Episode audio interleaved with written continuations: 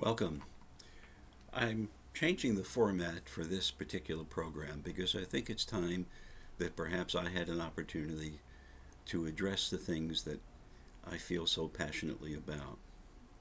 Over the last four years, we have watched our country grow more and more towards bigotry and hatred and greed and corruption and animosity and lies.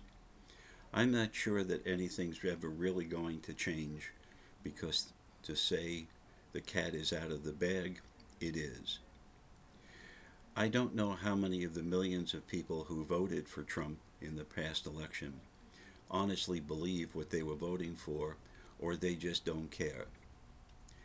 He is, along with almost all of the Republicans, except for a few, and a couple in the states who stood their ground, and who should, we should admire and respect for, have tried to circumvent, overthrow, and rebel against our country. The greed, the corruption, the lies, the murder caused by this White House and the Republicans under the leadership of that thing from Kentucky have caused more death and destruction than in the history of our country. I don't know how else to say it bigotry and greed and corruption is beyond belief.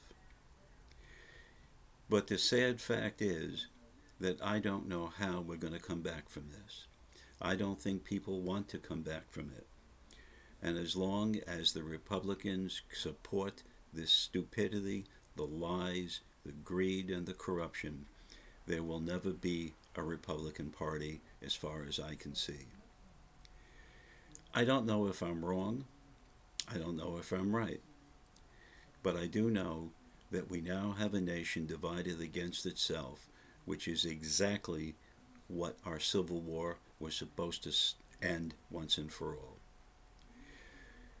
We now see that the very country that is trying to destroy us has the admiration and respect by the White House, who remain silent no matter what for all the servicemen and women who are out there.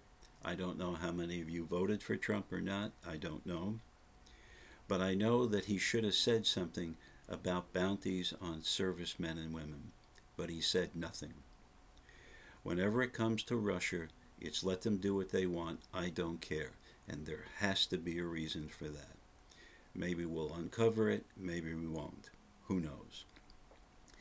But to those of you who are intelligent and use your brain and understand that what's going on is really all about two things. Well, actually, three things. It's about bigotry, it's about greed, and it's about power. And it's mostly about the Republicans. So, for those of you who never listen to this and don't care, not much I can do about that. But to those of you who do, it's time to get up and say something. It's time to let the country know that we're not all this way. Thank you very much for listening and have a good day.